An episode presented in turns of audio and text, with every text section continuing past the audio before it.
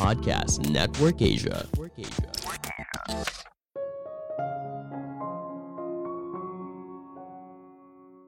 Sebuah ikatan yang bermakna bisa berasal dari satu momen yang membuat kita merasa cocok satu sama lain. Halo semuanya, nama saya Michael. Selamat datang di podcast saya, Sikutu Buku. Kali ini saya akan bahas buku Klik karya Ori Brahman. Sebelum kita mulai, buat kalian yang mau support podcast ini agar terus berkarya, caranya gampang banget.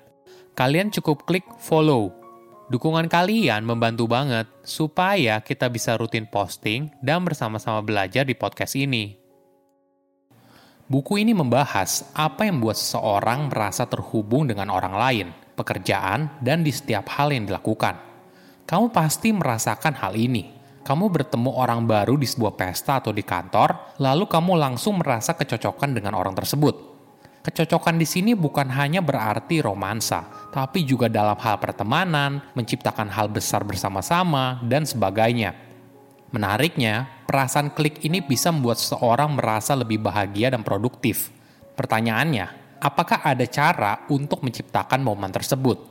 Penulis akan membahas berbagai tips yang bisa kita praktekkan untuk membangun hubungan dengan orang lain. Saya merangkumnya menjadi tiga hal penting dari buku ini. Pertama, apa itu klik moment? Coba bayangkan kejadian ini. Dua orang asing kebetulan bertemu di suatu tempat, mungkin di transportasi umum selama perjalanan panjang. Salah satu dari mereka memperhatikan yang lain sedang membaca buku oleh penulis favorit mereka dan tidak bisa menahan diri untuk menyapa orang tersebut. Seketika, pasangan itu tertarik satu sama lain, dan ketika mereka mulai mengobrol tentang banyak hal, masing-masing mulai merasa seolah-olah mereka telah mengenal satu sama lain sepanjang hidupnya. Ini yang disebut sebagai click moment, dan merupakan salah satu pengalaman paling menyenangkan yang kamu alami. Mungkin kamu menganggap ini sebagai cerita di sinetron atau novel.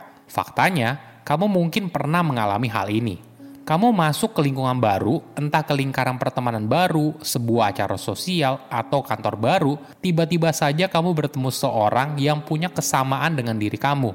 Kalian lalu ngobrol panjang seperti teman lama. Kenapa momen tersebut begitu menyenangkan? Hal ini disebabkan karena kita mengalami semacam euforia. Dalam sebuah eksperimen, Alisyara berusaha memindai otak para responden yang mengalami klik momen secara romansa dan membuat mereka jatuh cinta satu sama lain. Hasilnya, area otak yang berkaitan dengan pengalaman menyenangkan menjadi sangat aktif. Alasan lainnya, kita menganggap klik momen sebagai suatu momen yang ajaib, langka, dan misterius.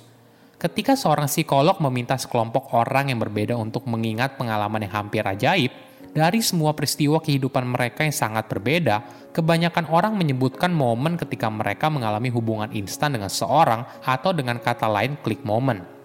Sebagai contoh, misalnya seorang wanita menggambarkan bagaimana dia dan orang asing saling bertatapan dan langsung merasakan keintiman. Dalam waktu singkat, mereka lalu menjadi pasangan. Ada penemuan yang menarik. Apa hal penting yang mengarah pada pernikahan yang bahagia? Apakah karena kedua orang itu sangat menyukai satu sama lain, memiliki banyak minat yang sama, atau mungkin hal ini karena cinta pada pandangan pertama? Ketika para psikolog berusaha menjawab hal ini, mereka menemukan korelasi yang mengejutkan. Pasangan menikah yang merasakan klik momen saat pertama kali bertemu memiliki pernikahan yang lebih bergelora. Dalam sebuah studi, peneliti membandingkan pasangan dengan kisah romansa yang berbeda, dari yang dulunya adalah teman hingga pasangan yang merasakan jatuh cinta pada pandangan pertama. Hasilnya, bahkan setelah 25 tahun menikah, pasangan yang mengalami cinta pada pandangan pertama memiliki pernikahan yang penuh gairah.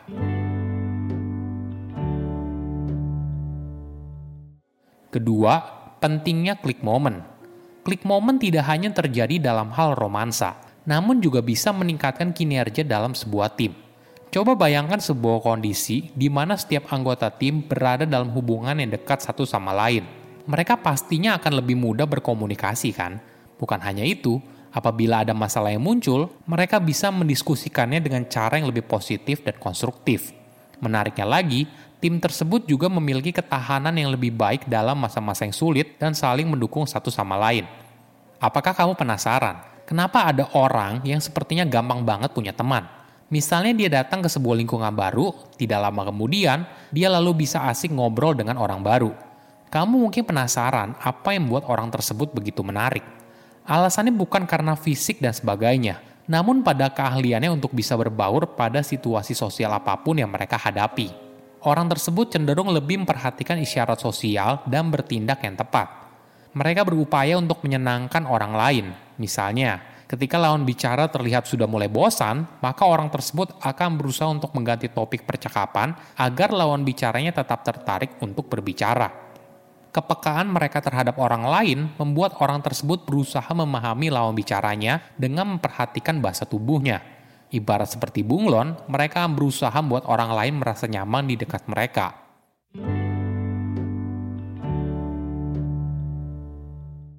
Ketiga, menciptakan klik moment.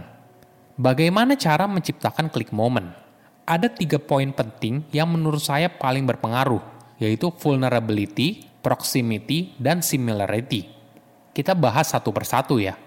Pertama, vulnerability artinya menjadi rentan atau terbuka dengan orang lain. Ketika kamu mulai terbuka dengan orang lain, maka kondisi ini akan membantu orang lain untuk mempercayai kamu tidak semua orang bisa terbuka dan bercerita tentang dirinya sendiri. Itulah yang membuat gestur ini terlihat begitu tulus dan bisa menjadi poin awal untuk menciptakan klik moment. Sebagai contoh, seorang negosiator bernama Greg Sensier menggunakan metode ini dalam pekerjaannya. Daripada berusaha mendekati penyandra dengan kekerasan atau intimidasi, Greg berusaha untuk membuka dirinya dia akan berusaha berbicara dengan si penyandra selama 5 hingga 10 jam untuk membangun hubungan emosional dengan mereka. Ketika penyandra akhirnya mulai terbuka juga dan bercerita tentang soal dirinya, misalnya bagaimana dia kehilangan ibunya dan sebagainya, Greg menggunakan kesempatan ini sebagai peluang. Dia lalu berusaha membagikan kisah yang serupa dan membangun kepercayaan di tengah kondisi yang mencekam. Selain vulnerability, ternyata proximity mampu membantu menciptakan click moment Ketika seorang berada di dekat orang lain, maka mereka cenderung secara emosional juga mengalami kedekatan.